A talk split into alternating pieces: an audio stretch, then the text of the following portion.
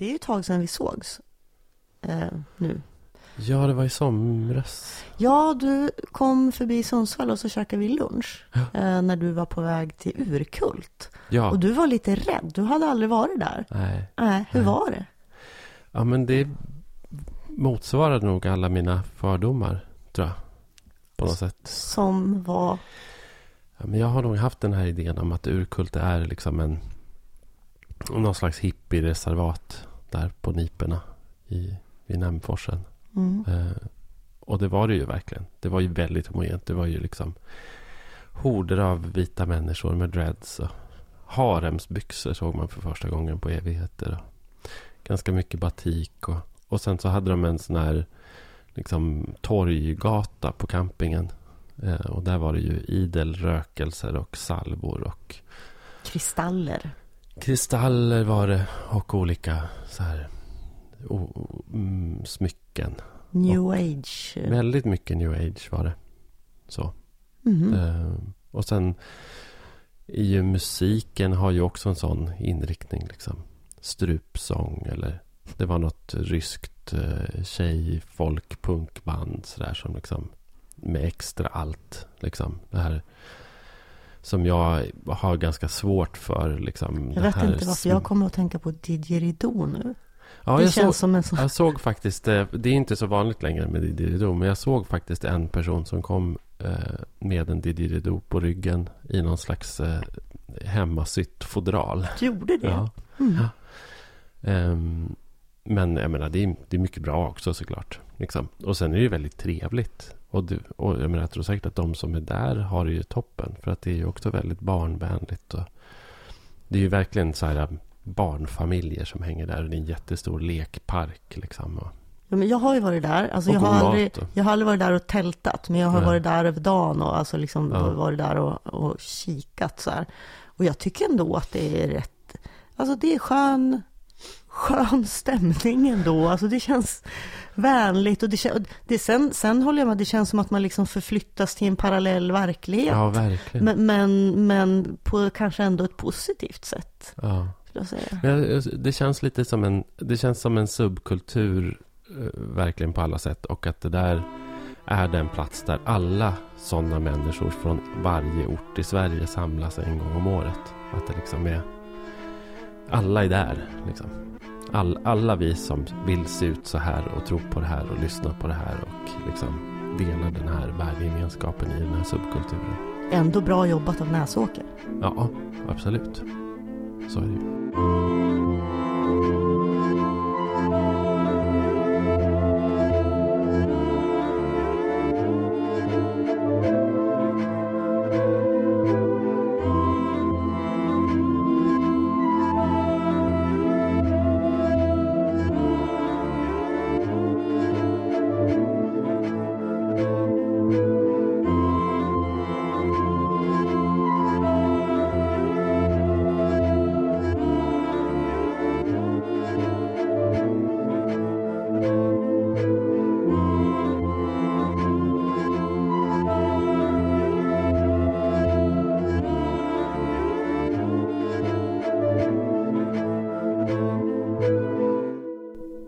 Efterfrågats någon slags valanalys från oss. Ja, det måste vi stå för. Mm. Det är väl eh, nästan en tradition också.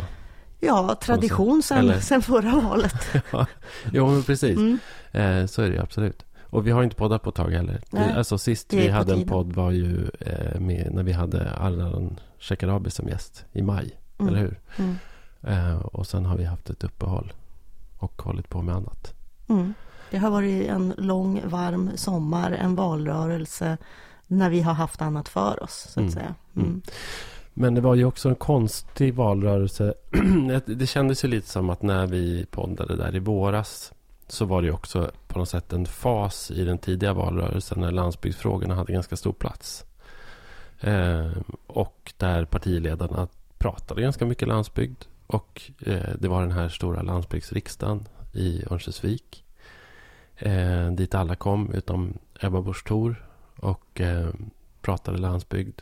Eh, och lanserade olika förslag om sänkt flygskatt.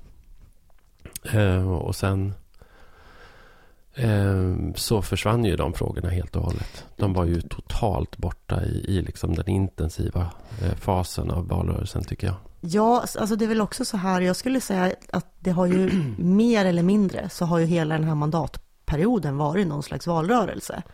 Eh, där landsbygdsfrågorna ändå har fått ta mer plats ja. än tidigare. Men håller inte du men med om att de var sista, borta? Men de här sista veckorna, jag, alltså, i, jag tycker att de gick alldeles för fort. Alltså, ja, ja, dels det märktes det så påtagligt att, att valet var flyttat mm. en vecka tidigare. Mm. Eh, och eftersom sommaren var så extremt varm och lång mm. eh, så blev det som att oj, nu är det valrörelse, pang sa det och så var det val. Och jag hann inte riktigt med där på slutet faktiskt. Och, och eh, jag vet inte, alltså nej, landsbygdsfrågorna fick väl inte någon plats i i dessa alla debatter och utfrågningar och det var ju helt jag, otroligt många debatter, dueller och utfrågningar. Jag hörde inte en fråga om det. Jag, jag följde inte alla utfrågningar och alla debatter slaviskt, men jag tycker att det var eh, totalt frånvaro. Och Alltså mer, jag, jag skulle säga att jag har nog hört det, in, inte som ett ämne för debatter, men där enskilda partiledare kan ha slängt fram det så här, alltså bara nämnt, ja men den här klyftan mellan stad och land måste vi göra någonting åt, men, men det är inte det, som har varit fokuset. Det har, så att det, det har inte... Eh... Det är ju mera en typ av talepunkt som kanske återkommer mellan valen. Eller, eller som lämpar sig bättre för en valanalys. Att hoppsan, hur gick det så här? Jo, det beror på de här regionala klyftorna, bland annat. Liksom. Men att prata om det i en valrörelse blir på något sätt alldeles för komplext eller, eller svårt. Eller det går inte att vinna val på. Eller man gör någon slags... Däremot så tycker vi kanske att medierna borde ju verkligen ha frågat om det. Eh, och det gjorde de inte. Alltså att, att det borde ha varit en av de frågeställningar som man liksom ändå riktade mot partiledarna i utfrågningarna. Och det var det ju inte. Nej, och, och där skulle jag... Eh, alltså nu, nu... Det fanns ju fler frågor som inte heller fanns med i sluttampen. Som ändå har varit högaktuella under året innan. Klimatet, ja. jämställdhet, Ja, eh, också metoo två, var också precis, helt frånvarande. Metoo, precis. Det var ja. helt borta i valrörelsen. Ja. Alltså det, den jämställdhet som diskuterades, det var ju liksom genusflum och abortgräns. Ja, Vil, vilket är helt bisarrt faktiskt. Ja. Um, och samma med klimatet. Det är mm. Nej, det helt otroligt med tanke på, på sommaren och den debatt som ändå blossade upp. Och bränderna som blossade upp. Och torkan och mm. ja. Ja. Nej, eh, så, nej, så att, nej, det, nej, men alltså jag säger inte emot. Det var, det var inte ingen... Eh, och jag vet inte, vad skulle ha krävts då? Skulle det ha krävts något... Eh, skulle det ha hjälpt om någon hade slängt fram ett landsbygdsvallöfte motsvarande? Nej, nej, nej, det hade inte hjälpt. Men jag tycker väl att när det är valrörelse och när då medierna, de stora medierna ska hantera en valrörelse och ställa politikerna till svars och få politikerna att liksom eh, ställa ut lite löften och eh, liksom när det handlar om att adressera frågor som ändå då kanske är viktiga Eh, och kan komma att vara viktiga de kommande fyra åren och särskilt när man tittar på liksom vilka frågor som avgör hur människor röstar. Alltså bortom ytliga positioneringar så är ju ändå geografisk ojämlikhet en väldigt, väldigt viktig faktor. Eh, och då tycker jag att det är mediernas skyldighet att ställa frågor om det. Och det gjorde de inte och det tycker jag liksom är, det tycker jag är otroligt svagt. Det tycker jag är jättedåligt av SVT till exempel och deras redaktioner att inte ta in det. Sen, sen har det ändå gjorts då eh, en hel del faktiskt eh, trots allt vi, vi har stått och pratat här genom åren om dålig mediebevakning och redaktioner som försvinner i glesbygd och sådär. Men det har gjorts eh, på samma sätt som det har gjorts mycket debatter på riksnivå så har det varit ganska bra lokal bevakning. Eh, det är bara det att sådana här frågor om utjämning till exempel, det löser man ju inte i en kommun. Eh, men, Nej, men, det, men, det har, men, men, men jag skulle ändå vilja eh, gå över till det då, att det har ändå varit en rätt bra lokal valbevakning. Mm. Jag tycker till exempel eh, företaget jag själv jobbar i, Mittmedia, mm. faktiskt när det gäller valbevakningen har varit bra. De har varit ute i liksom varenda kommun, de har gått igenom liksom minsta, minsta eh, liksom särintressefrågor mm. och prata med både politiker ja, jag, jag, och väljare. Så jag, det inte, har gjorts bra. Ja, nej, jag säger inte emot det här heller faktiskt. Det, det tycker jag nog är min bild också. Att på den kommunala nivån och på den regionala nivån så har centrum-periferi-konflikterna funnits med på ett annat sätt. Det har funnits en annan medvetenhet där. Men på den nationella nivån så tycker jag inte det. Möjligtvis då med någon slags undantag eh, av Dagens Nyheter som jag har kört en drive och där Måns Mosesson eh, och andra reportrar har, eller framförallt Måns Mosesson har åkt runt och gjort liksom nedslag och, och så. Men det har ju också varit, jag ska inte säga att det är en tendentiös rapportering, men det är ju också på något sätt en rapportering som eh, bekräftar kanske storstads eh, människans bild av de här rostbältena och eh, de utmaningar som finns i de svenska rostbältena. Eh, och det där kan jag ju också känna är, även om jag inte vill ha någon hurtig, gud, Gud ska veta att jag inte vill ha någon liksom hurtig eh, sådär, eh, hushållningssällskapet, center, kvinnorna, pepp, valbevakning om, om liksom Gullan och hennes kor och vilka fantastiska möjligheter det finns på landsbygden. För det är ju också inte representativt. Så tror jag kanske inte att det där är... Jag vet inte. Det, det tycker vi kanske att det finns liksom strukturella saker som man kan ta upp. Och där kom det ju en, tycker jag, en väldigt viktig DN-debattare bara några dagar innan valet. Eh, från ett gäng forskare i Uppsala. Som ju just underströk liksom det här hur geografiska ojämlikheter och hur också alliansregeringen, eh, alltså Reinfeldt-regeringen och deras reformer eh, har liksom drivit fram eh, då ojämlikheter i samhället som har skapat en grogrund för Sverigedemokraterna på många håll i landet. Sverigedemokraterna. Eh, jag där kom minns, de. Ja, där kom de. Tänk, tänk om vi skulle så här, inte prata om Sverige. Ja, nu, nu gör vi det ändå. Ja. Eh, därför att eh, när vi gjorde vår förra valanalys, mm. då satt vi i princip och gick igenom varenda kommun i, mm. i Norrland så här, för att se hur har Sverigedemokraterna gått fram här. Mm. Och de ökade ju i hela landet och de ökade även i Norrland mm. fast de var fortfarande och är fortfarande eh, betydligt mindre i Norrland eh, än vad de är i övriga mm. landet. Eh, samtidigt så har jag också gått in och sett hur kommunerna har röstat i sina kommunval respektive i riksdagsvalen. Mm. Och i många Norrlandskommuner där Sverigedemokraterna kanske inte ens har 10 procent eh, i kommunen så, så är det ändå betydligt fler som röstade på SD till riksdagsvalet. Så är det ju absolut. Även om det finns liksom en generellt lägre röstsiffra mm. i, i norra Norrland. Det går ju någon slags eh, gräns för SD-spridning, eh, vad ska vi säga, norr om Medelpad. Eller gränsen mellan, eh, liksom, gränsen mellan Västernorrland och Västerbotten och gränsen mellan eh, egentligen då Dalarna och Härjedalen, Jämtland kan man ju säga. Därför att ovanför den ovanför den gränsen så har ju SD ett betydligt mycket mindre stöd. Mm. Eh, men, men just, det, det här att det, ju... just det här att det är så många fler som ändå röstar på dem till riksdagen. Eh, det är ju intressant utifrån det vi nyss pratade om, om, om hur valrörelsen har sett mm. ut och vilka frågor man har pratat om.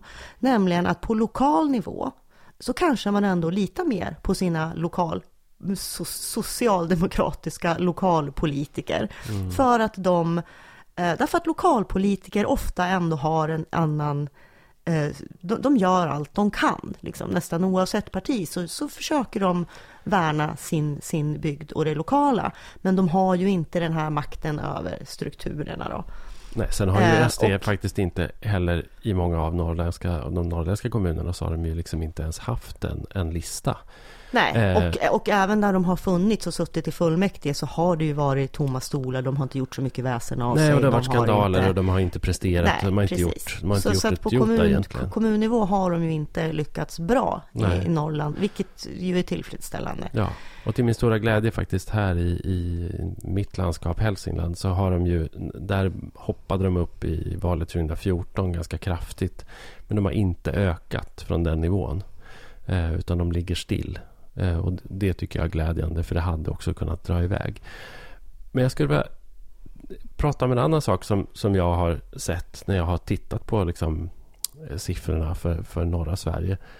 Och det är att det är, är liksom tämligen uppenbart också att de eh, kommuner och landsting där det finns ett liksom särintresseparti eh, eller någon typ av missnöjesparti, en lokal kommunal lista eller ett sjukvårdsparti eller någonting. Där har ju SD inte alls eh, gått fram lika mycket som, som på andra ställen. Och, det, och det, här, det här väcker ändå någon slags hopp hos mig. Därför att det känns lite som att eh, överlag i de svenska landsbygderna är ungefär lika mycket missnöjda överallt. Man tycker att det är, Mm. ungefär, det är ungefär en lika stor andel av befolkningen som inte tycker att det är bra. Eh, men om det inte finns en lokal fråga att basera detta på eller en lokal lista eller ett lokalt parti att rösta på ja, då smetas det här missnöjet ut och sen så liksom hamnar det hos SD. Då får SD mandat istället. Men om det finns en lokal lista så röstar man hellre på dem. Eh, och det där får ju ändå mig att tänka på att att det ändå kanske på ett lokalt plan eller även på riksplan är upp det här missnöjet och rikta det åt ett specifikt håll. Och kanske även på sikt faktiskt också kanske rikta det åt ett positivt håll. Men ska vi, alltså vi, vi, det här var vi ju inne på någon gång i vintras. Ja, Eh, att vi behöver någon eh, slags svensk Macron. Men liksom, ja. eh, därför, att, därför att även om det finns ett missnöje som man skulle kunna fånga upp andra partier så, så tänker jag också att det här missnöjet går ju hand i hand med generellt politikerförakt. Mm. Så att det spelar ingen roll vad Socialdemokraterna eller Centerpartiet kommer upp med. eh, Så litar man inte på dem för att de är traditionella. Ja. Skulle vi behöva ett icke-rasistiskt och faktiskt demokratiskt missnöjesparti som kan fånga upp det här på, Ja. på ett riksplan. Jag vet inte, jag tänkte, men, men, att bero på att där det finns missnöjespartier då, att inte Sverigedemokraterna går framåt. Pajala, Mm. det är ett jättefint exempel. Jag älskar Pajala. Eh, Sverigedemokraterna fick alltså 1,81 procent av rösterna där. Eh, och de backade, eh, alltså de hade bara 2, komma någonting i, i, i 2014. Men de backade och där fick alltså, där har de två större missnöjespartier. Eh, Ett som heter Framtid S, som är alltså socialdemokrater som har bildat ett nytt socialdemokratiskt parti vad jag förstår. Eh, helt enkelt för att manövrera ut de gamla sossarna. Och de fick över 10 procent. Och så har de ett sjukvårdsparti som fick eh, nästan 9 procent. Ja, eh, det är fint också att inget av de här missnöjespartierna eh, är rasistpopulister. Liksom. Nej, precis. Och det här är ju också liksom... Jag, jag kikade på... Alltså det, finns ju, ro- det finns ju roliga exempel från, från olika delar av landet. Eh, Värmland är ju intressant till exempel. En av de stora vinnarna i, i- Värmland är ju eh, Karlstadspartiet Livskvalitet till exempel. Som eh, gick till val på en enda valfråga egentligen. Och det var ju att stoppa bygget av en eh, sån här theme park, Mumin temapark. Alltså ett Mumindalen. Eh, som ska byggas på ett berg som ett lite rassligt berg utanför Karlstad. Men som ändå liksom är öppet för allmänheten nu som någon slags rekreationsområde. Mm. Och då har den här lokal, det här lokala partiet har då liksom gått fram ganska starkt i lokalvalet på att driva den här frågan om att det ska minsann inte bli ett Mumindalen eh, där. Det var ju gulligt och fint. Och- Något som inte är lika gulligt är ju Göteborg. Nej, det är verkligen problematiskt. Det är verkligen det här stoppa Ja. Västlänken. Och det är sån, det är sån gåta för alla människor utanför Göteborg hur det där hänger ihop. Och det intressanta i sammanhanget är ju att den här eh, ekonomhistorikern Jan Jörnmark, eh, vet du vem det är? Nej. Han som har gjort de här böckerna om öde miljöer och, eh, och så. Han är en ganska stor person i, i, i, den vevan. Ja, men ändå okänd för mig kan jag Ja, erkänna. men det intressanta är att han eh, har också sådär... ja, Alltså han, han är en slags eh, nyliberal ekonomhistoriker med en väldigt stark ödestro. Jag har ju retat mig på honom för att han har ju åkt runt i Norrland och skrivit det liksom om, om döende bruksorter och Ådalen och sådär. Och sen så pekar han ju på att ja, men det här, den här förstörelsen och den här avfolkningen och de här, de här nedläggningarna och sånt där. det, är ju, det är ju ödet. Alltså det, det här, det är ju saker som måste ske. Ja. Och han har ju också en väldigt så här... Han är ju en sån här eh, Jimby-människa. Alltså inte motsatsen till Nimby. Eh, Nimby är ju not in my backyard. Och sen så finns det ju Jimby-människorna som är så här yes in my backyard. Som Mm. liksom eh, bejakar all förändring därför att all förändring är av godo. Allt, alla nybyggen. Precis, Ja. utom Västlänken då av någon anledning. För han är ju en av medgrundarna till det här partiet Demokraterna. Eh, vilket är lite märkligt att en forskare eh, och akademiker ger sig in och startar ett parti tillhör ju ovanligheterna. Men att just han har gett sig in i det. Men det här är ju... Det, Det här är, det, det, känner, det här känner jag inte till. Det Det här här, är ju- låter ju helt ja, bisarrt. det här, är, ju- det här är ja. ju ganska långt ifrån, eh, det här är ju ganska långt ifrån Norrland. Ja. Så tillbaka till Kiruna tänkte jag i alla fall. Ja. Därför att det, det intressanta med Kiruna eh, är att i landstingsvalet eh, så röstade 70 procent av Kirunaborna på ett lokalt sjukvårdsparti. De är alltså så här grovt missnöjda med sjukvården. Eh, med all rätta tror jag, för de har förlorat en BB-avdelning och de eh, håller på att avlöna akutmottagningen i Kiruna vad jag förstår också. Eh, vilket är problematiskt. Det finns ändå en ganska stor och farlig eh, arbetsplats Mm. i Kiruna. Eh, så där fick de 70 procent. Eh, I riksdagen så i riksdagsvalet i Kiruna så fick SD 20 procent. Eh, men i kommunalvalet så ser det liksom helt annorlunda ut. Där finns det ett lokalt missnöjesparti, eh, Kiruna-centern. eh, som ju är intressant. Eh, alltså de har nu 33 procent nästan av, av, eh, av eh, väljarna i, i Kiruna eh, Kommun. kommunfullmäktige. De gick upp eh, 4,4 procent från förra valet. Och de leds av den dynamiska turistentreprenören Gunnar Selberg. Som på något Mm. sätt spelar den här rollen av eh, lokal sanningssägare som eh, vevar och är, är liksom ganska burdus och eh, alltså jag gillar Gunnar. Eh, men det är också intressant att Centern nationellt inte alls lyfter fram Kiruna som en plats där Centern går jättebra. Trots att Kiruna ju är liksom den plats där, där, där Centern liksom har de absolut bästa resultaten i, i landet. Men det talar man lite tyst om därför att Kiruna-Centern är inte riktigt... För, förutom i Jämtland då. Ja, men alltså Så- 33 procent Ja. i ett eh, Ja. kommunval. Det är, det, Det är- är det är inte, det är inte många platser som de kommer upp i, om det, om det ens är något, tror jag.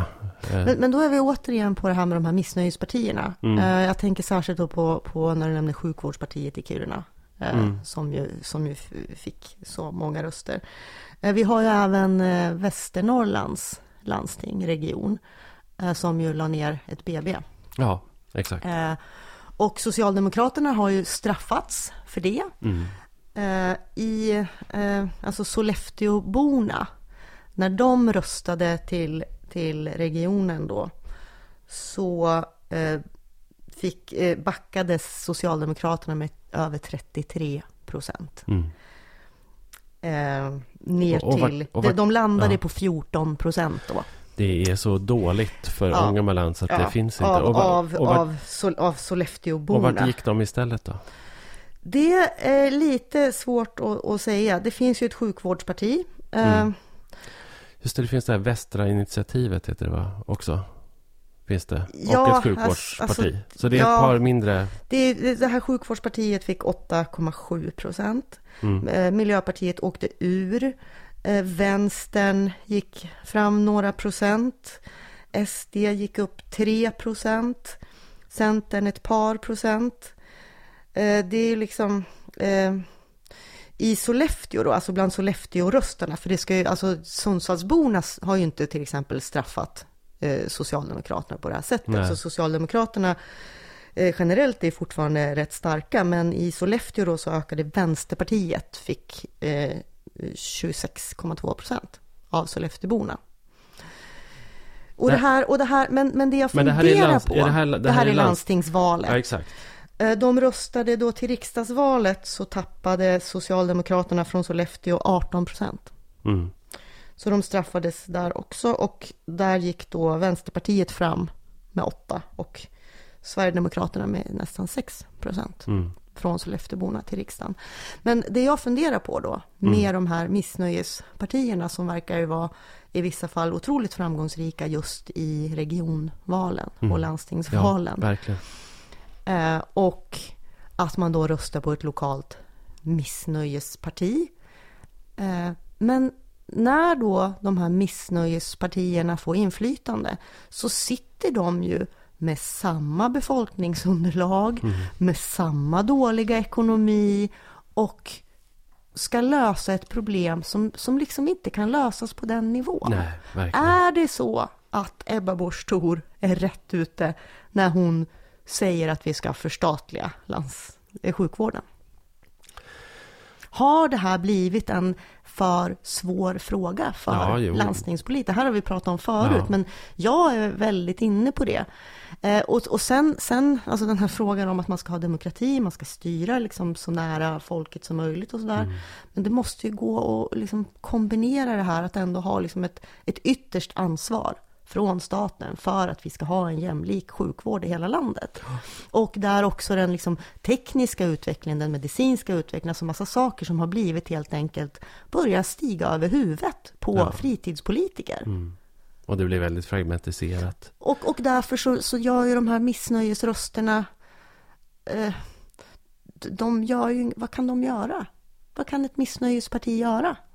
Nej, de kan inte göra särskilt mycket alls faktiskt. Och de, de, de kommer sitta där i, i en mandatperiod och sen så kommer folk också tycka att... De har att inte gjort vad, någonting. vad fick ni gjort liksom? Det, och, och sen så kommer de antagligen åka ut eller nästan åka ut. Det, Liksom. det, dessutom kan de ju också skapa den här situationen att det blir ingen riktig majoritet. Att det blir väldigt uppsplittrat i många små partier. Eh, och där då handlingskraften försvinner överhuvudtaget. Mm. Alltså man kan ju hamna i mandatperioder då nästan inga beslut kan fattas. Men det här är ju det svåra därför att det här är ju Sverige är ju ett väldigt liksom, komplext land på det sättet med de här olika ansvarsfördelningarna, de här olika nivåerna och det här är ju liksom väldigt svårt för gemene man. Det här är ju, jag tycker att det är svårt för jag tycker det är faktiskt helt uppriktigt svårt för mig också att se de här olika nivåerna. Menar du att du också tycker att det är Ja, men det tycker jag Ja. faktiskt. Alltså vad är kommunalt ansvar? Vad är, Ja. är regionalt ansvar? Vad ligger hos länsstyrelsen? Vad ligger hos regionen? Vad är statligt? Och sen så har du dessutom då eh, en mängd eh, stora liksom, eh, myndigheter som är inne och opererar som till exempel som är jätte, jätteviktiga för oss på landsbygden. Som till exempel Trafikverket då. Eh, och Trafikverket ska då liksom styras av Alltså kommunerna, eh, om de vill ha bättre infrastruktur, kan bedriva lobbying eh, mot eh, Trafikverket. Och det kan regionen göra också. Eh, sen har Länsstyrelsen någon slags då, rätt att besluta eh, i infrastrukturfrågor. Eh, men Ja. läns, alltså så här, och Länsstyrelsen är både statligt men också på något sätt regionalt. Och, eh, och, alltså, och sen så är Trafikverket eh, inrättat i Men hör du vad du olika säger regioner. nu? Ja, Du, du, har, du håller ju just nu ett brandtal för storregioner. För, det, för de skulle ju lösa det här. nej, det gör jag nog inte. Jag håller nog ett brandtal egentligen för, för någon slags, alltså för ett statligt ansvar skulle jag säga. Ja, och det var ju Eh, på riktigt det ja. som Nej, storregionerna har var tänkta ja, att ja, göra. och jag har inte Att- varit, som du vet, jag har inte samordna- varit emot Nej, det heller. vi blev lite mer för när vi eh, fördjupade oss i frågan. Men, men, men att helt enkelt samla ansvaret, samordna bättre, eh, ha liksom trafik, Trafikverket i en större region.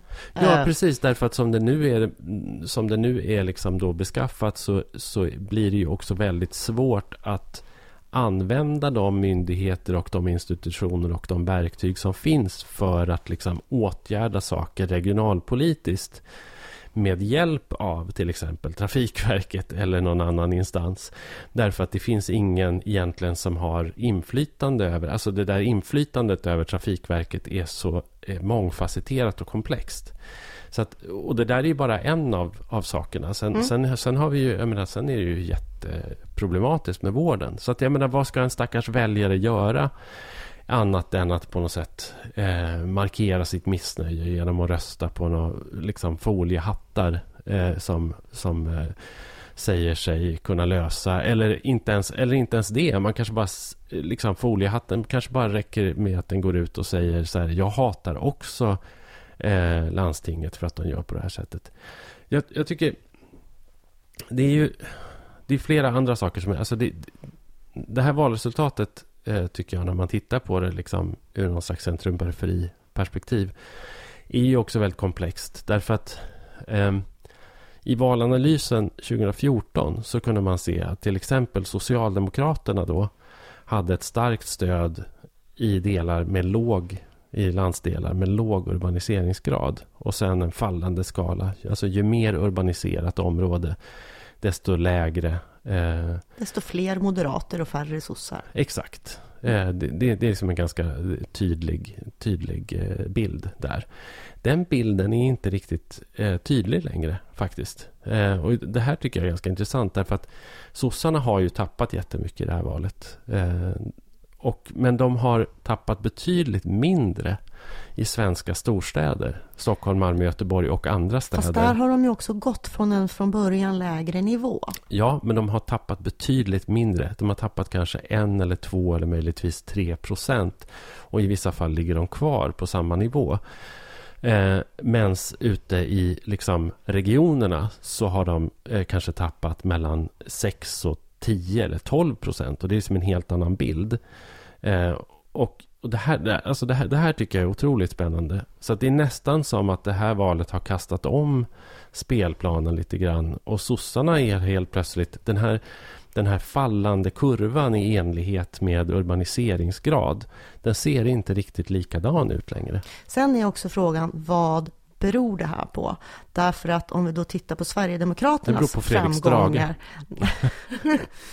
eh, ja, eller, men, men om vi tittar på Sverigedemokraternas framgångar, som ju också är större då, där det är lägre urbaniseringsgrad.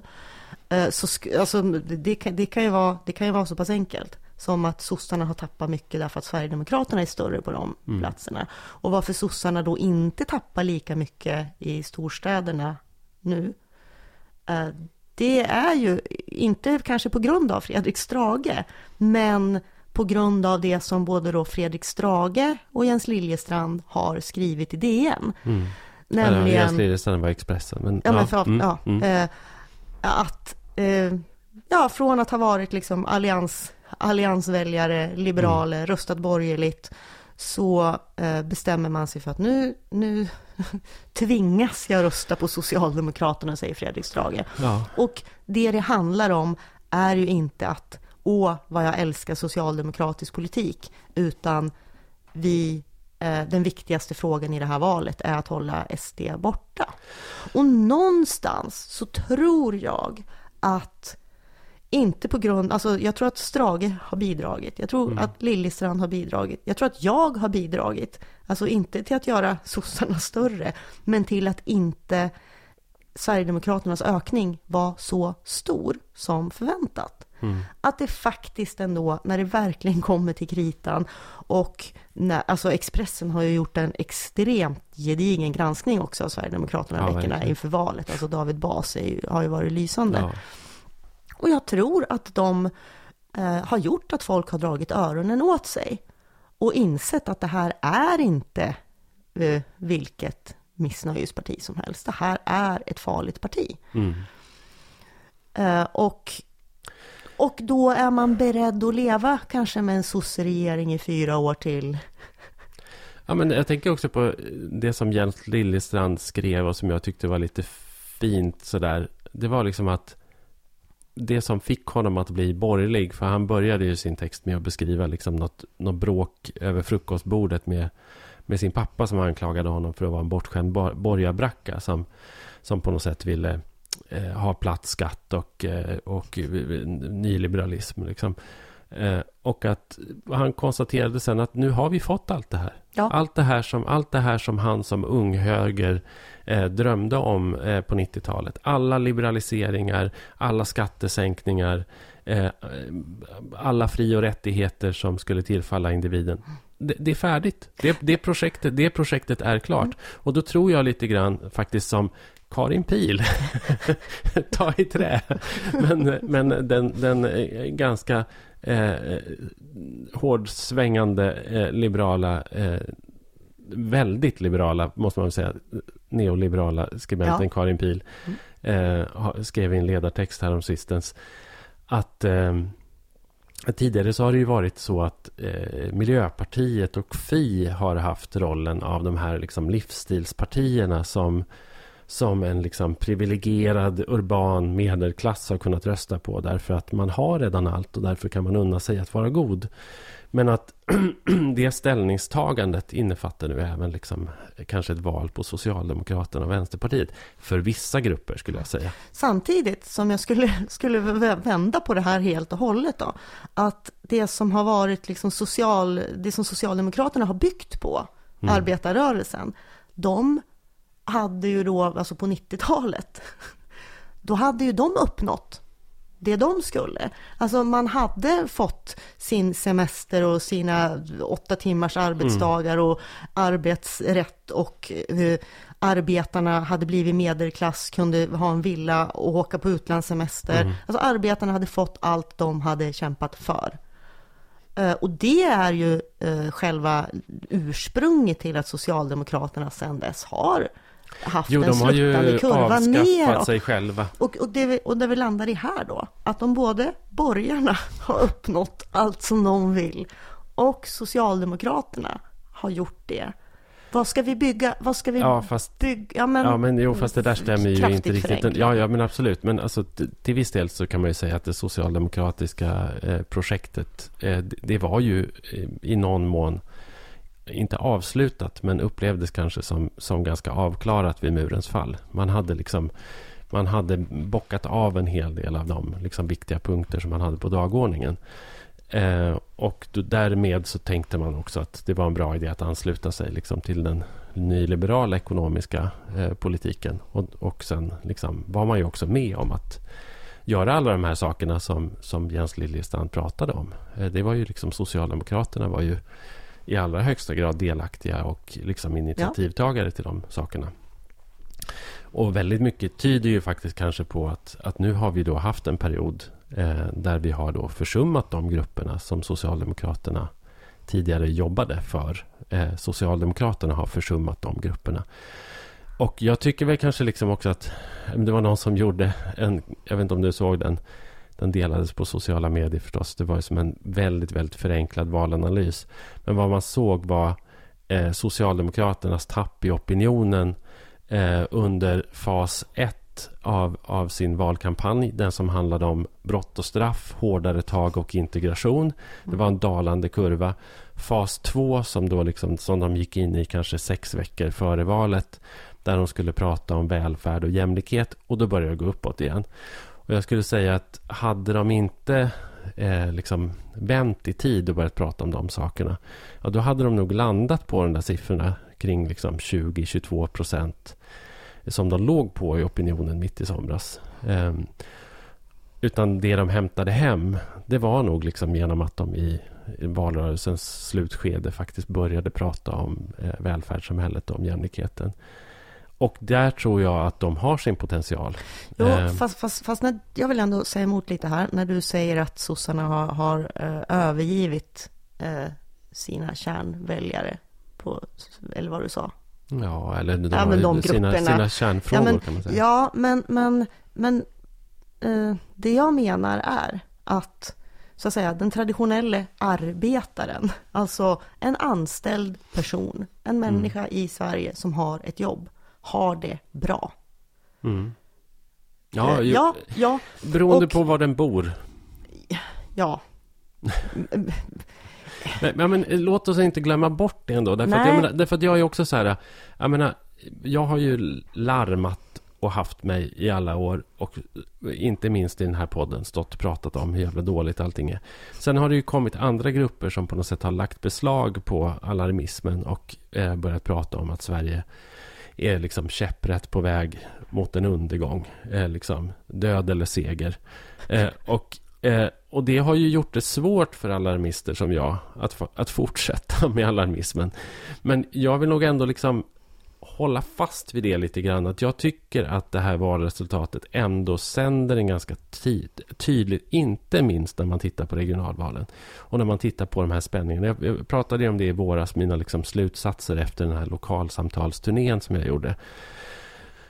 Där jag tycker att det var så otroligt uppenbart att de här liksom centrum-periferikonflikterna, framförallt konflikterna om resurserna i samhället, de offentliga resurserna till vård, skola, omsorg, infrastruktur är så otroligt ojämnt fördelade.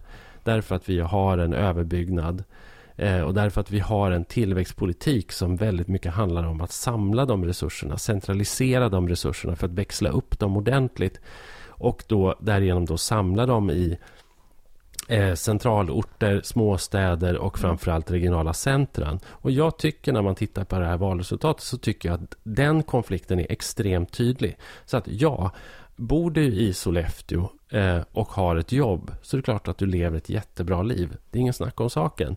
Men du har sämre vård och du har ett mycket sämre utbud i Du valfrihetssamhället. har, du har inte samma snabba tillgång till vård.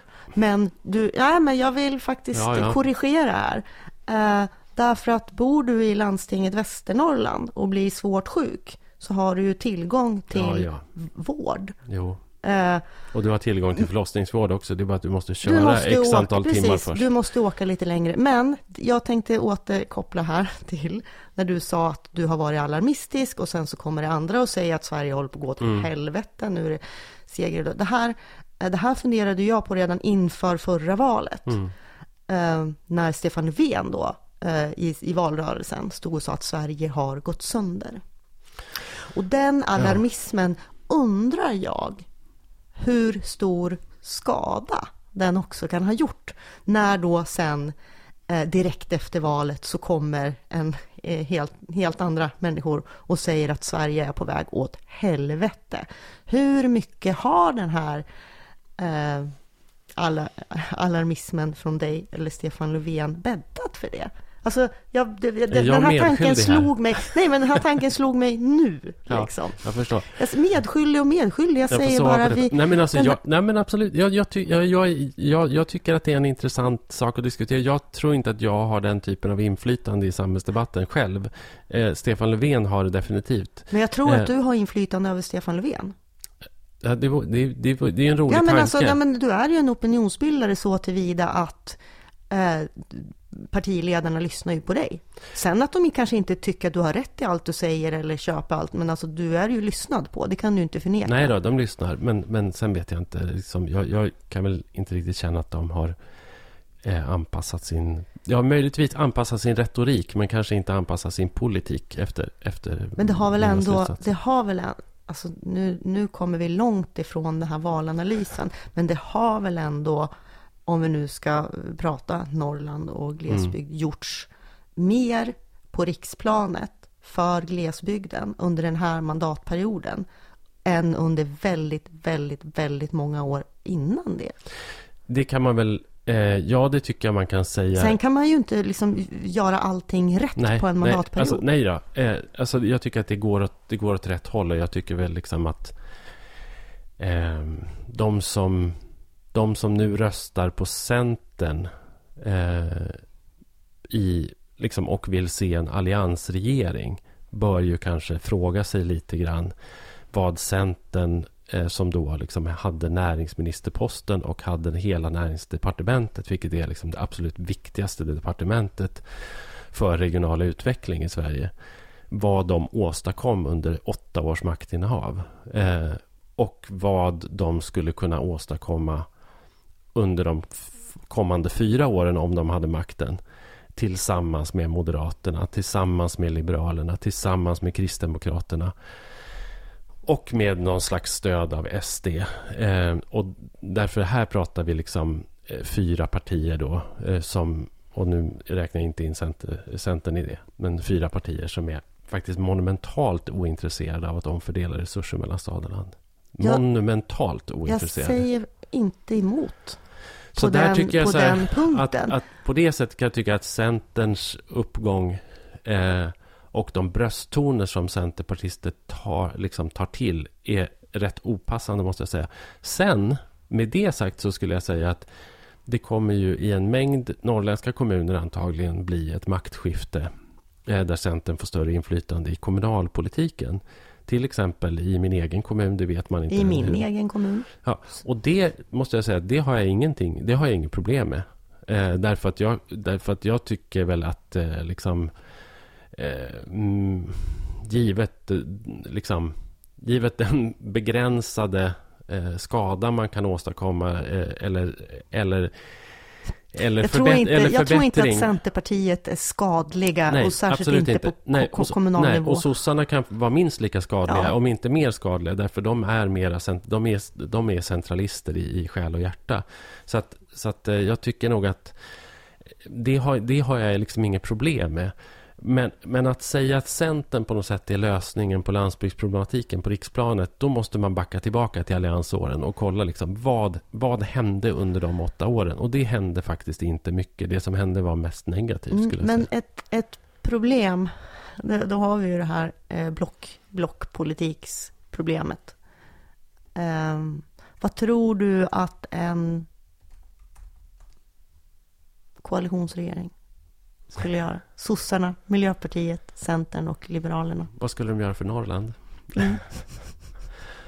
Ja, herregud. Jag hoppas att de, jag hoppas att de fortsätter bygga tåg, till exempel. Eh, vilket jag kan känna mig lite tveksam till om det skulle, om det skulle ske.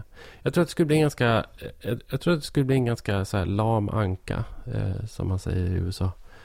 Eh, som kanske inte skulle ha så himla lätt att få saker gjorda överhuvudtaget. Nej, men allvarligt är det väl lite svårt att veta. Eh, helt enkelt vad, vad, vad en sån konstellation skulle liksom göra. Vad de skulle lyckas ena om, enas om egentligen för slags politik. Överhuvudtaget. Det är väl ganska svårt att förstå. Vad tror du? Eh, jag försöker ju ändå, alltså jag, eh, jag tänker på landsbygdsutredningen Mm. faktiskt, som ju ändå var, eh, alltså den hade ju brett parlamentariskt stöd av Mm. alla de här partierna. Mm. Eh, och om man skulle liksom backa tillbaka till den och se vad har vi gjort, vad är kvar att göra och vad kan just vi fyra enas om att genomföra. Så vill jag tro att, eh, att det skulle kunna vara någonting bra.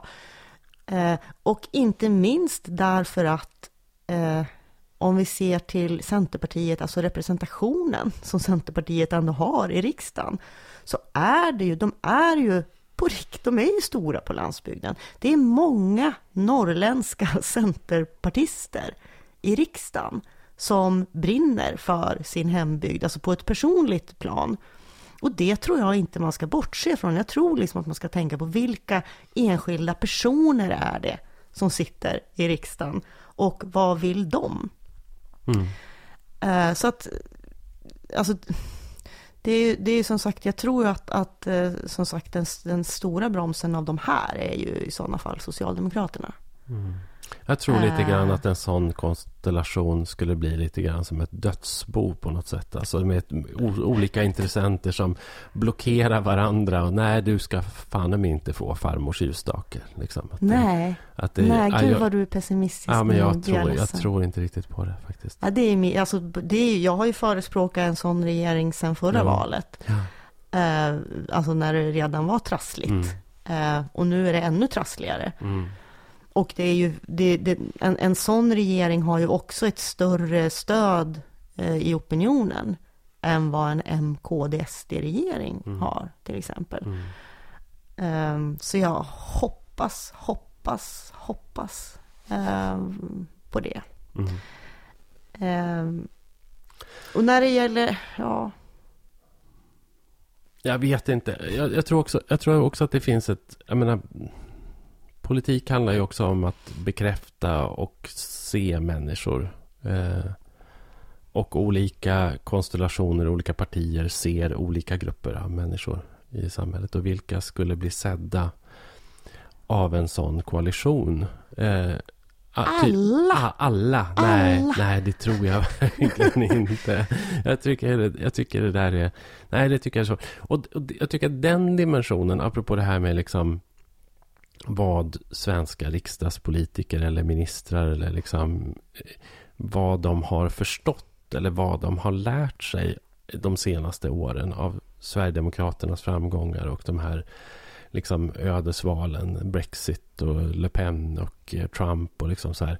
Det tycker jag eh, det tycker jag har varit väldigt osynligt. Eh, och, och, och de som har, alltså, alltså kolla, Sverigedemokraterna åkte ut och hade torgmöten fan i varenda buske. Ja. Det här valrörelsen också. Ja. Och när man, när man ser deras, liksom, just stödet i riksdagen i, i liksom mindre kommuner så är ju det. Eh, alltså jag tror att det handlar jättemycket om det. Ja, men Jimmy var här. Ja, det tror jag också. Eh. Och det är faktiskt häpnadsväckande, som du säger, att inte andra partier har tagit efter och förstått betydelsen av, av att faktiskt åka de, ut. Ja.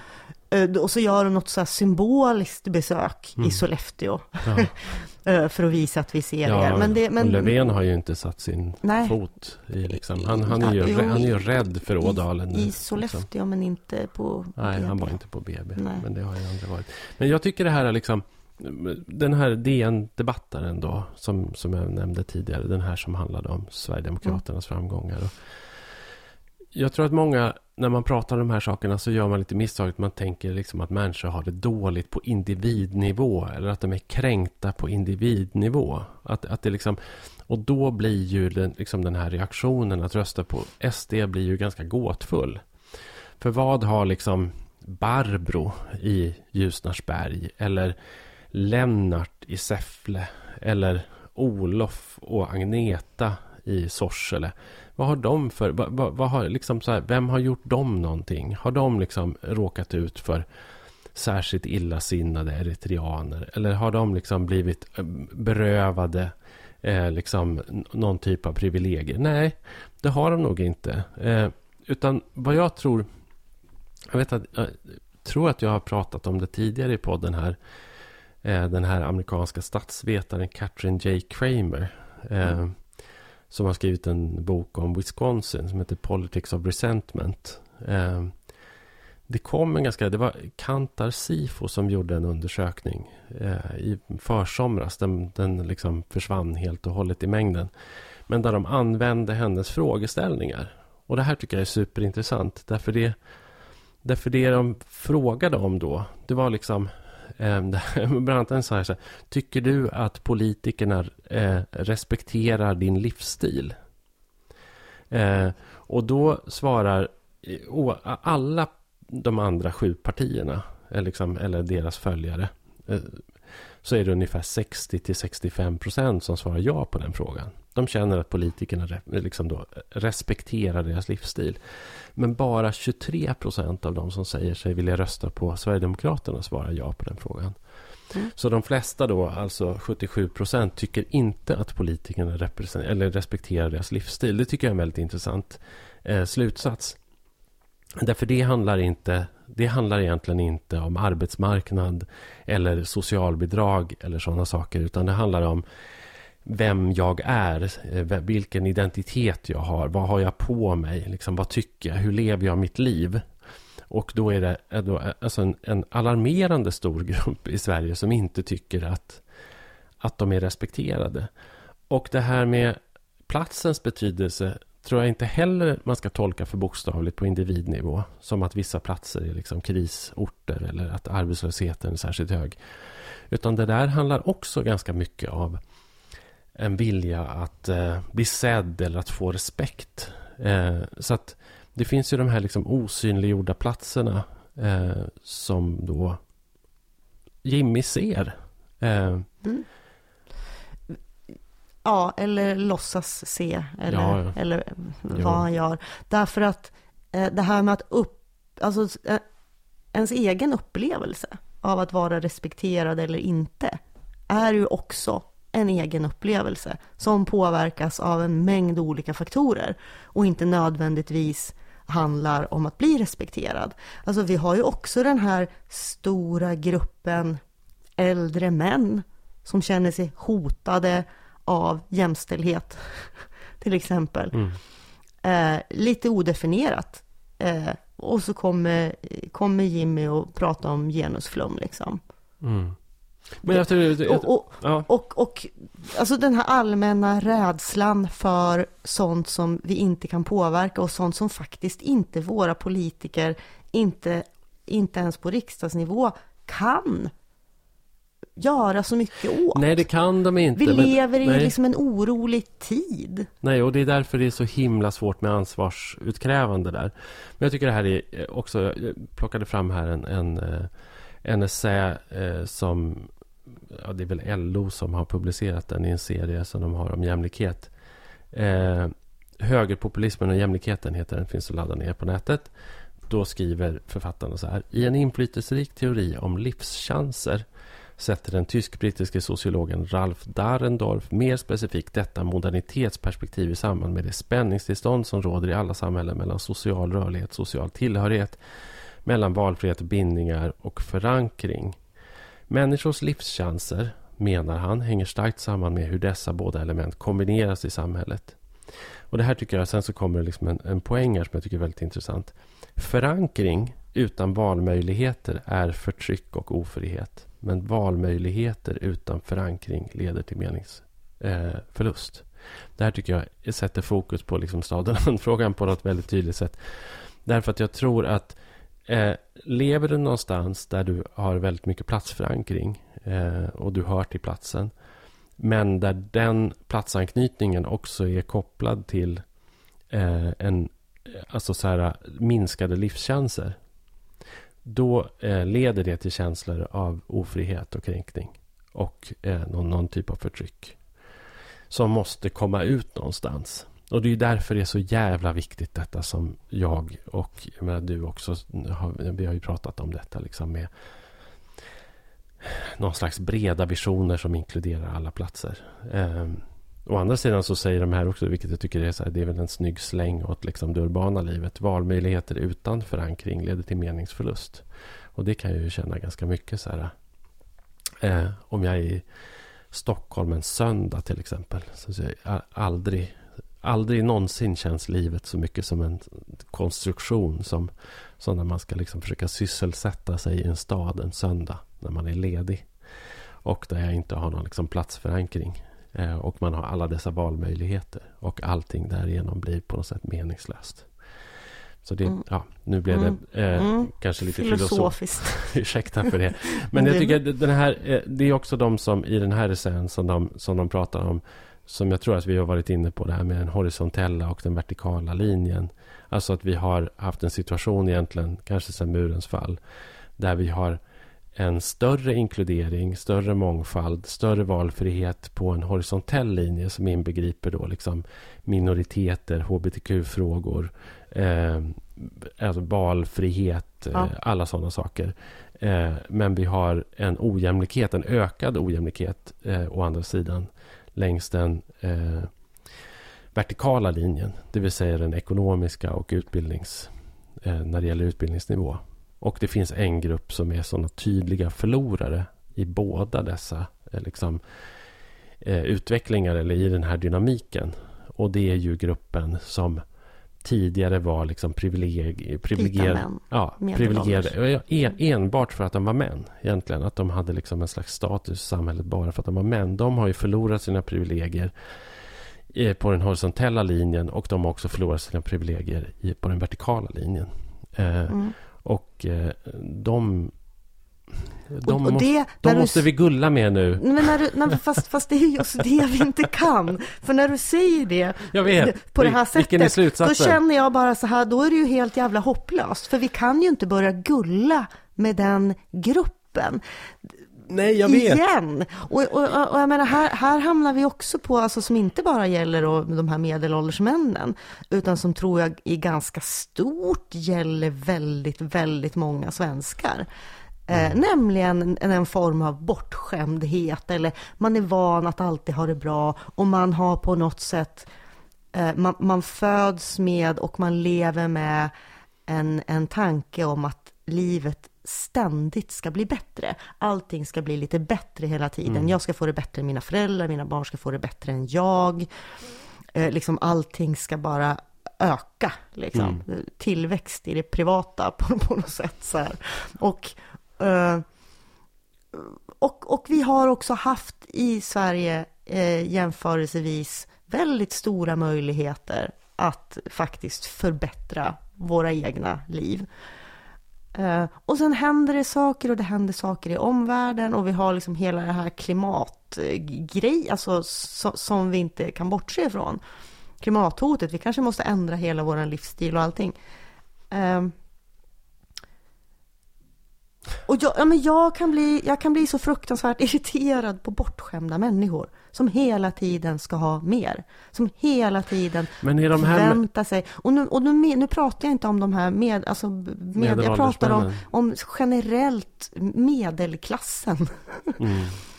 Eh, Ja, men absolut. Men medelklassen har väl också på något sätt blivit, åtminstone delar av den, blivit ganska moralisk. Liksom, på något sätt. De, det är ändå en grupp som, om de ges chansen, gärna vill ta någon slags moraliskt ansvar för klimatet. Sen eh, blir det fel kanske. Sen, sen, sen kanske det liksom tar sig den här bisarra yttringen att, att jag i framtiden så kommer jag vilja välja flyg med biobränsle som inte existerar än. Eller jag källsorterar plast. Men jag tror ändå att det, eh, jag tror ändå att det är en så här grupp... handlar ju så otroligt mycket om livsstil och hur Ja, man ser absolut. ut och hur, Ja. och hur andra uppfattar Men jag tror ändå att det är en grupp som är mottaglig för, så- alltså så här, som gärna vill vara liksom moraliska agenter i sitt eget liv. Det tror jag faktiskt. Jo, fast medelklassen är ju De är ju jättestor. Medelklassen är ju den allra, allra största gruppen i Sverige ändå. De allra flesta Det beror på hur människor. man räknar. Ja, fast som jag räknar Ja, så är ja. de allra flesta människor medelklass. Eh, Ja, och, men jag tror inte att de är helt och hållet förlorade. Jag tror bara att de liksom, jag tror att de, eh, de behöver rätt politik eh, liksom för att eh, liksom väckas, för att väckas till liv som, som moraliska agenter. Så tror jag. Jag har, jag har inte tappat hoppet helt och hållet om, om medelklassen. Det har jag inte gjort. Men, och jag har inte tappat helt hoppet om de här om de här liksom nu, eh, liksom de här männen med sina med, med förlorade privilegier heller riktigt. Jag vet bara inte liksom hur, jag vet, jag, alltså jag tycker att det är en jättesvår situation att hantera. Jag, jag, jag tycker det är jättesvårt därför att vi, jag ser också liksom en väldigt dyster framtid framför mig där vi i ett samhälle med då ökade vertikala klyftor, det vill säga ökade eh, klyftor när det gäller utbildning och när det gäller inkomst. Och framförallt kanske ökade klyftor mellan stad och land eh, i fråga om alltså vilken typ av kultur du möter. Eh, för att bor du liksom ut, ut i en region så är det inte säkert att du liksom ens får impulser som gör att du utvecklas riktigt. Så att de här, eh, alltså ojämlikheten på den vertikala axeln kommer bara att fortsätta öka så länge man inte gör någonting åt det. Eh, och, sam, och, och det kommer ju då i, i någon slags worst case scenario göra att det hela tiden föds nya generationer ignoranta män som röstar på partier som ställer sig i vägen för den politik för jämlikhet och välfärd och bättre klimat som skulle behövas för att nästa generation ignoranta män inte ska växa upp och bli ignoranta män. Förstår du? Men som det nu är så är det liksom lite grann som någon slags självspelande piano där ökad ojämlikhet leder till röstning på populistpartier som ökar ojämlikheten så att vi Mm, får mm. en ny... Förstår, hänger du med? Mm. Och det här, det här är, det här är får jag, väldigt får jag svart. bara säga ett, ett, ett, ett ord som vi överhuvudtaget inte har nämnt? Eh, och jag säger inte att det här är lösningen på någonting, men jag säger att vi kan inte plocka bort, bort digitaliseringen ur den här ekvationen och de faktiskt möjligheter som när du, som när du nämnde på det här att inte kunna få kulturintryck för att du bor i glesbygd. Alltså vi, alltså vi lever ändå i en global värld. Ja, men- Vi har tillgång till hela världen i Mm, våra ja. mobiltelefoner. Mm. Jag himlar Eh, med ögonen nu. Ja, jag, jag, det kan jag, det kan jag Mm. Ja, intyga det- för det- våra lyssnare. ja, ja. Att, att nu står på här och himlar med ögonen och suckar djupt. Varför gör du det?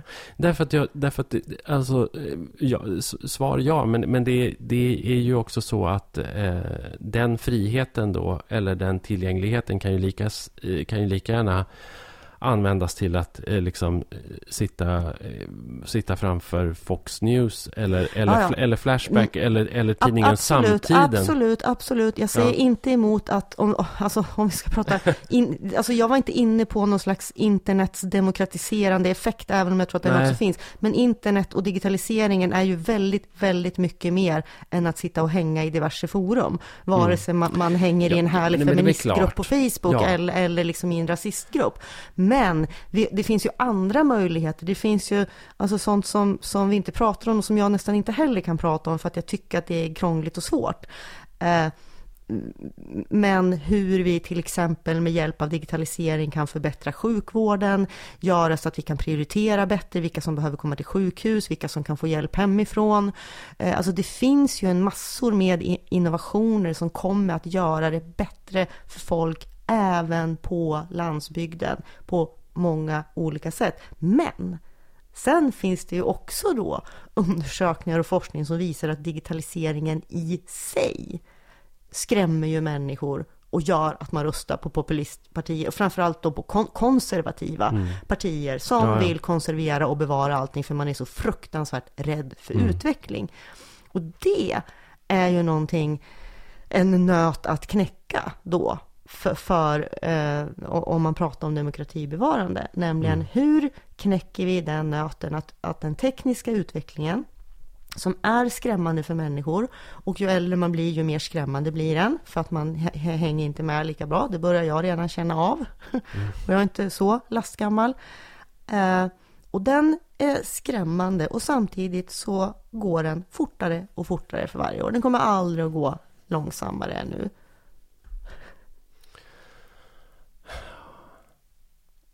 Hur, hur löser vi det? Hur får vi liksom folk, oss själva, att förstå att det är inte tekniken i sig som är hotet? Fast det är den ju. Alltså, ja men... Fast vad då? järnvägen var ett hot, bilarna var ett hot, allting har ju setts Mm. som ett hot jo, i, i ett inledningsskede. Ja. Det är ju inte tekniken, det är ju olika sätt att använda den på som kan Den enskilt största förändringsfaktorn i samhället sedan början av millennieskiftet är enligt regeringskansliets trendanalys utvecklingen av internet och digitaliseringen. Enligt en rapport från Stiftelsen för strategisk forskning kan teknikutvecklingen leda till att runt hälften av dagens arbeten automatiseras inom 20 år. Japp.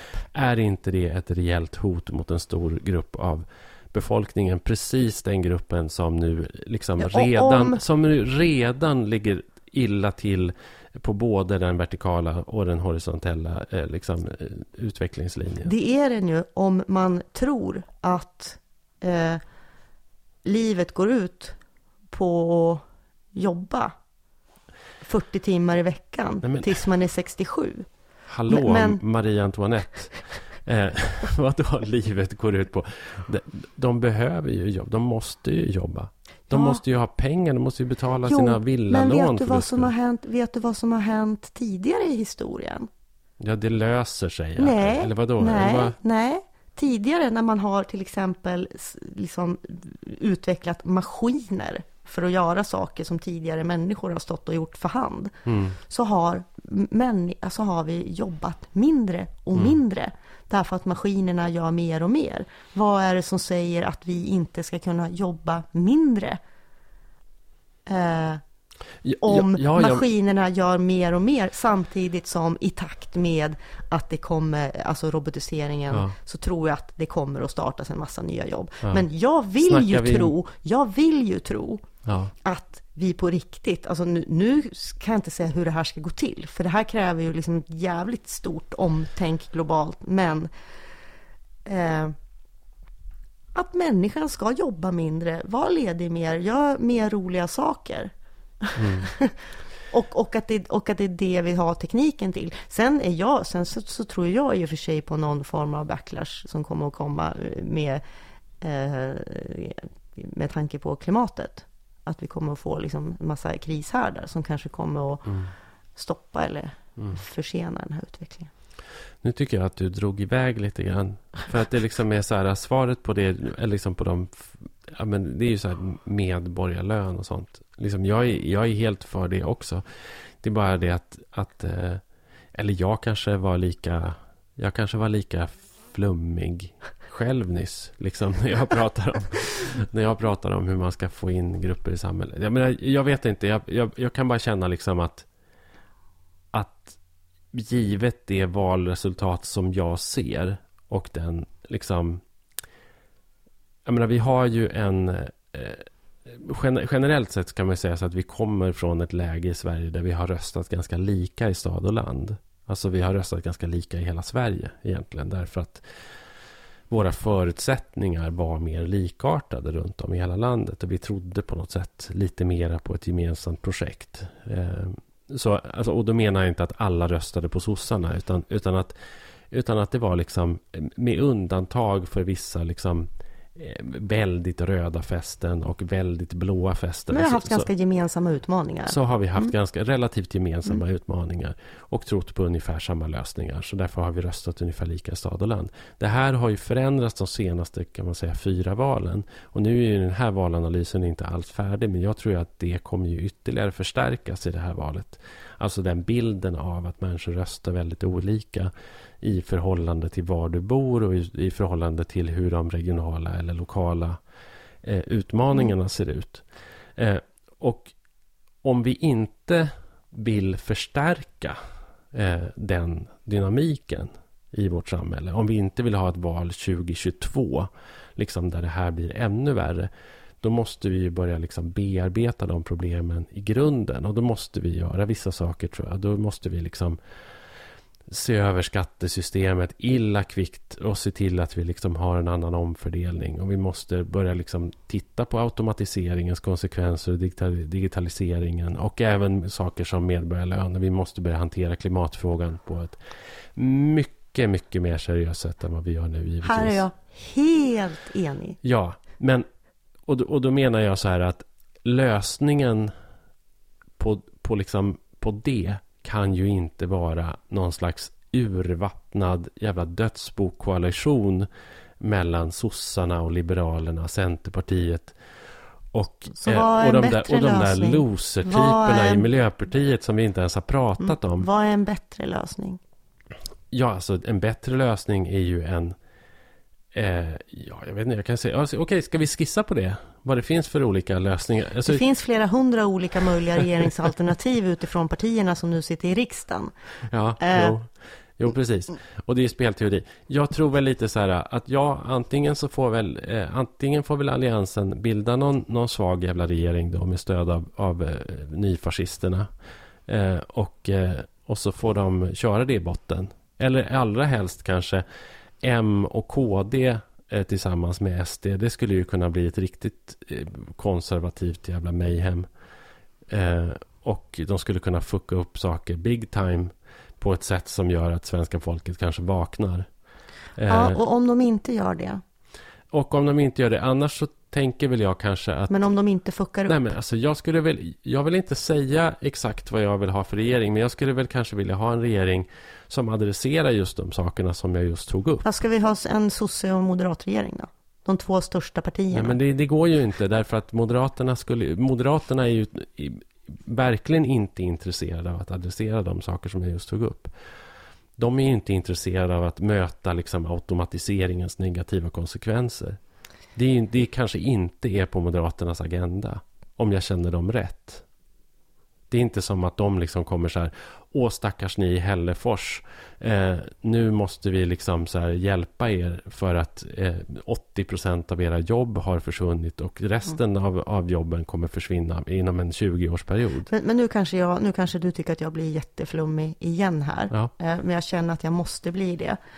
Eh, Eftersom alla de här problemen sammantaget som du räknade upp, automatisering och klimat och eh, Mm. liksom skattereform. Det är ganska stora ja, grejer. Det är väldigt stora grejer. Mm. Och det är ju så pass stora grejer så att det går inte att göra radikal skillnad som märks på en mandatperiod.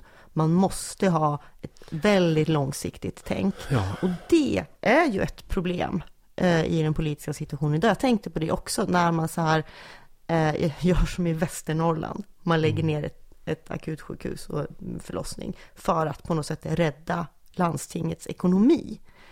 Eh, vilket var alltså nödvändigt, kanske inte göra just det, men det var nödvändigt att spara stora pengar och vart man än hade gjort det skulle det ha blivit ett, ett jävla missnöje. Och om då ett parti som vågar fatta ett så pass kontroversiellt beslut blir så hårt straffade som de nu har blivit Mm. I regionen, vilka ska då våga fatta Ja, eh, beslut som kanske på kort sikt har negativa konsekvenser för några få eller många, men som på sikt är Mm. nödvändigt för att vi ska bygga. Det är ju ett problem i kombination med, skulle jag säga, att hela vårt politiska system är ju liksom, vi, vi, vi måste ju på något sätt vända på hela, vi, vi, vi bygger våra, alltså våra stora partier, det vi bygger på, det vi tror, våra block, det bygger ju på någon slags 1900-tals förutsättningar eh, som lever kvar så här. Ideologierna är så, blocken ska vara så, Mm. de ska driva det, de ska driva det, fastän vi har helt andra sorts utmaningar. I, det, de är inte helt andra. jo. Det där, nej, det där, tycker jag, det där tycker jag är en ganska skadlig... Alltså så här... Ja, det, men det där tycker jag är en ganska skadlig retorik. För det är faktiskt inte helt andra. Alltså vissa problem är, kvarstår ju eller har dykt upp igen. Alltså väldigt mycket problem går ju faktiskt att möta till exempel med fördelningspolitik.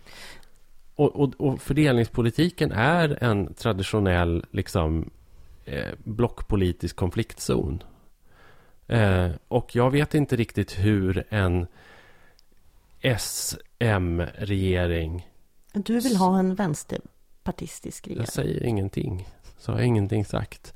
Men jag kan inte se hur en S och M-regering ska lösa fördelningspolitiska utmaningar. Det kan inte jag riktigt se därför att de vill så fruktansvärt olika saker. Och eh, mycket tyder ju där på att S i sådana fall skulle ge sig liksom, i den diskussionen. Därför de vill ju liksom... Jag vet inte. Jag, jag, jag tror bara inte att man kommer vidare där. Och jag är ganska övertygad om att det är ändå det vi måste ta i. Liksom. Tror du inte det? Alltså det, det, jag vet inte om jag förstår vad du säger här, men, men det låter ju som att du utesluter alla allianspartier ur en regering som skulle kunna åstadkomma någonting. Tänker du att sossarna och Vänsterpartiet och Centern ska säga, alltså, Ja, ja, hellre det då kanske. Men, men, alltså, men det går ju inte. men nej, det går ju inte. Nej, jag vet inte. Jag vet inte hur man ska styra det här Ja, landet. alltså jag, det är jag, ingen som, jag är är ingen det. otroligt, otroligt irriterad på Ja. framförallt Annie Lööf som har målat in sig i det här jävla hörnet som hon står i nu. Där hon å ena sidan har sagt att vi kommer aldrig att samarbeta med Sverigedemokraterna, vi kommer inte att bilda en regering som måste luta sig på Sverigedemokraterna, vi kommer aldrig att sätta oss i en regering med Stefan Löfven som statsminister, vi kommer aldrig att sätta oss... Eh, hon, hon Eh, vilket beslut hon än fattar, för det kommer, hon kommer att måste välja här, liksom, Mm. och hur hon än gör så kommer hon ju att få en svekdebatt. Fast jag tror Och- jag, fast jag, jag- jag, har ju en tonårsdotter som följer diverse YouTubers. Eh, och det har ju varit ganska intressant. För att Centerpartiet eh, och framförallt Annie Lööf har ju blivit liksom eh, partiet man väljer om man är en ung kvinnlig influencer eller YouTuber. Mm. Annie Lööf är extremt populär i de Ja, kretsarna. Fullt liksom. begripligt. Och eh, jag tror att partiets strateger har också liksom gjort ett väldigt bra jobb med att göra Annie Lööf tillgänglig för den typen av personer. Så Bianca Ingrosso då till exempel, som är en ganska mäktig person för, för kvinnliga förstagångsväljare. Eh, hon gick ju först ut och sa så här eh, att hon skulle rösta på Moderaterna och det var någon som frågade varför då?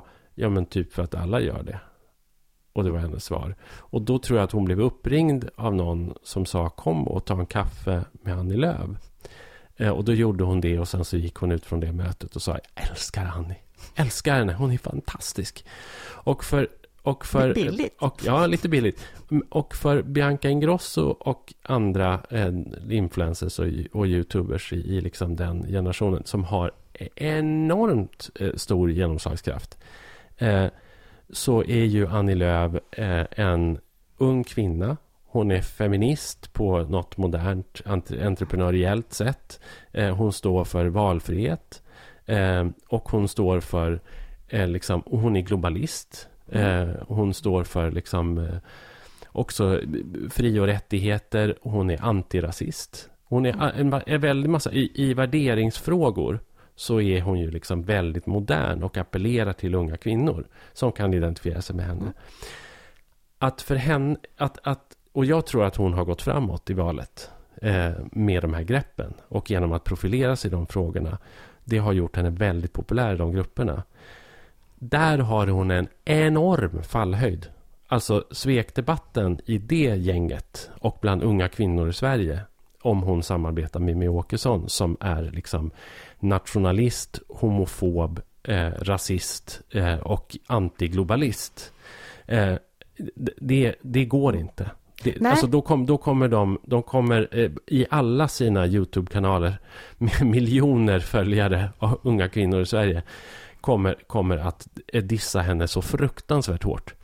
Men däremot så tror jag inte att de skulle dissa henne särskilt hårt om hon satte sig i en, eh, i en re, regering med, med Stefan Nej. Löfven eller ens med Jonas Sjöstedt. Därför att den kategorin unga väljare uppfattar inte alls Stefan Löfven och Jonas Sjöstedt som rasistiska, homofoba, Nej, men det är, antiglobalister. Det är gallväljare på galtanskalan helt enkelt som, som väljer henne. Det som är intressant med Annie Lööf är ju att hon har lyckats både få framgång i den här gruppen och behålla gamla centerpartistiska kärnväljare. Mm. Alltså hon har ju verkligen gått framåt. Och det här har inte jag sett några siffror på, men nämligen hur många skulle svika henne om hon satte sig med Stefan Löfven? Alltså vilket skulle ge, alltså av hennes... Jag tror att de här unga förstagångsväljarna som väljer jo. henne för att hon är en ung kvinnlig feminist och entreprenör, de skulle inte svika henne Nej, på, på men de hennes grunderna. gamla kärnväljare då, allianscenterpartisterna? Några få skulle göra det. Tror jag, jag, jag, jag hoppas att du har rätt. Jag tror, nej, jag tror, att, jag tror inte att det... Alltså, och, och mm. Centerpartister på landsbygden och sådär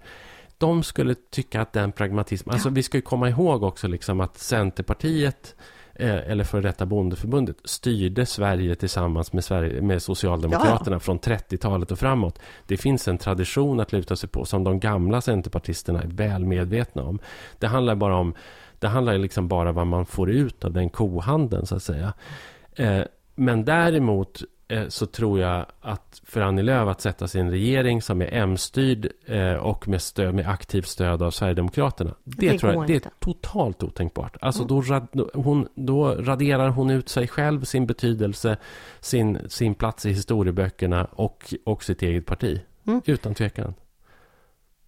Hoppas jag. Radera sitt eget parti. Nej, okej. Okay, De kommer ja. nog igen. Ja, kanske. De är de envisa har nio liv. Ja, men, och jag tror inte heller... Eh, menar, vår vän Jan Savran i Åre mm. eh, som sitter i partistyrelsen, han har ju personligen intygat att, eh, han sitter ju ändå i partistyrelsen, det kommer inte att ske. De kommer inte att ingå ett samarbete. Det, Nej, finns, de inget, det finns inget internt släppa, stöd. De kommer att kunna släppa fram en moderat KD-regering med stöd av SD. Och det, det är ett lika stort svek. Tycker jag också är ett lika stort svek. Ja. Mm. Och där är jag ju mycket mer osäker på Annie Lööf än, än vad jag är på Jan Björklund. Som jag tycker har steppat upp i slutet på valrörelsen. Ja, jag kan hålla med om det. Jag kan hålla med mm. om det. Jag har inte varit någon jättevän av honom sådär generellt. Men, men jag tycker att han har jag tycker han har gjort bra ifrån sig på mm. sluttampen här. Jo, jag kan, jag kan hålla med om det. Mm. Hörru du, vi har pratat jättelänge. Ska vi prata ännu längre? Eller, liksom, eller har vi nått smärtgränsen? Alltså jag tror inte folk orkar mer nu. Eh. Det finns ju såklart, eh, det finns ju såklart eh, mer saker att säga, men vi kanske kan säga dem nästa gång. Ja, det här var ju också, kan vi, det här var ju någon form av urladdning också eftersom vi inte har poddat på väldigt länge. Och, mm. um, och det har varit val. Ja. ja. Men det känns ju lite som att, jag menar, det känns ju lite som att leva i ett vakuum också. Det känns ju på något sätt någonstans så känns det svårt också att göra en valanalys förrän man har en regering. Att man inte riktigt vet Nog för att vi kan titta på, på liksom röstfördelningen i kommuner och landsting och, och riks och i olika delar av, av vår landsända. Men eftersom, så länge man inte vet vad det leder till så tycker jag också på något sätt att det är svårt att landa i någon känsla. Liksom. Och det kan ju ta flera månader dessutom. Ja, jag tror att det kommer nog bli många talmansrunder. Och... Ja. Ja, det finns, ju, det finns ju en bortre gräns så att säga. Ja, sen, blir det, sen blir det extra val. val. Mm. Eh, men, men, men kan vi inte landa i det då ändå att en, nu kommer jag med ett, ett slutgiltigt mm. förslag här. En, en regering med Socialdemokraterna och Centerpartiet som har stöd eh, eller som kan samarbeta åt båda hållen i olika frågor. Vad sa du då? Socialdemokraterna? Och Centerpartiet. En minoritetsregering med sossarna och Centern som kan förhandla med eh, alla andra partier då, utom, mm. utom SD, beroende på vad, vad det gäller. Mm. Precis, det är ingen som har lanserat den riktigt. Nej, men nu gör vi det. Okej, okay. ja. ja. men jag, jag kan... Eh, av, av, alla, av alla onda ting så, så, kan jag, så, kan jag se en, så kan jag se en poäng med det. Eh, sossarna har ju ändå ett slags nyvaknat eh, intresse för landsbygden och Centern har sitt intresse för... Kanske kan de liksom balans, balansera upp eh, det sossigt eh, centralistiska och, eh, och det hejigt, eh, ja, det hejigt, det entreprenöriella hos centerpartisterna. Liksom att det, så att, ja, men annars så, annars vet jag inte. Vad, vad jag, jag vet inte, vad jag skulle vilja sammanfatta med ändå sådär när jag tittar eh, liksom runt hur man röstar så är det här att jag skulle vilja återkomma till det som liksom vi också har pratat om i podden i flera år. Att det är liksom framtidstro som är det viktiga. Att framtids, alltså så här, tillgången till framtidstro avgör hur man röstar. Och det tycker jag liksom är så uppenbart. Att det liksom är... Befinner du dig i ett område av landet där, där det saknas framtidsutsikter, då röstar du eh, liksom destruktivt eller du röstar, eh, du uttrycker ditt missnöje med röstsedeln. Eh, och du straffar gärna S därför att man ser dem som en del av liksom, den, den maktapparat som inte har liksom, hållit vad de har lovat. Men befinner du dig i en stad så kan du rösta lite mer hoppfullt och du kan liksom vara en mer liksom, politiskt konstruktiv individ som, som eh, vill åstadkomma något eller kanske till och med se liksom, någon förändring eller förbättring eller ratta och vrida på saker så att livet ska bli trevligare. Det tror jag också är en av orsakerna till att Miljöpartiet, som vi kan ägna en hel podd åt vid ett senare tillfälle. Mm. De gick bra i eh, Jokkmokk. Ja, men det är ju bara Henrik Blinds ja. förtjänst. Ja. Och det är ju eh, all heder till honom. Därför att han gör ett jättebra jobb och han är en väldigt klok och liksom smart och rolig miljöpartist mm. som dessutom har stöd från den samiska befolkningen i Jokkmokk. Mm. De har även ett samiskt parti. Just det, som, som också är starkt. Men Miljöpartiet gick bättre ja. i Jokkmokk ja. än så att, samernas. Så det är ju kanon. Men, men Miljöpartiet åker samtidigt ur liksom åtta landstingsfullmäktige i landet och eh, de har ju de tappat. åkte ur Sundsvalls kommun. Ja, det är helt fantastiskt. Vilket jävla katastrofval. Lite grann. Ja, det, det, det kan vi faktiskt prata om ja. vid, vid tillfälle. Men inte nu. Nej, nej, nu måste vi avrunda. Ska vi säga också att, eh, att vi, eh, det här, trots att vi är så sporadiska och sådär, så ligger det ju kvar detta med Patreon. Eh, och man, vi har ju våra supporters på Patreon som nu, tack vare att vi lägger ut det här, då blir av med, med några kronor per skalle. Eh, och eh, ni som inte stöttar oss eh, via Patreon får väldigt gärna göra det. Norrlandspodden. Patreon.com slash Norrlandspodden. Exakt, så är det. Mm. Och där kan man välja lite olika lösningar. Precis, och pengarna dras ju bara när vi poddar. Så att när vi inte gör någonting så slipper du betala för det.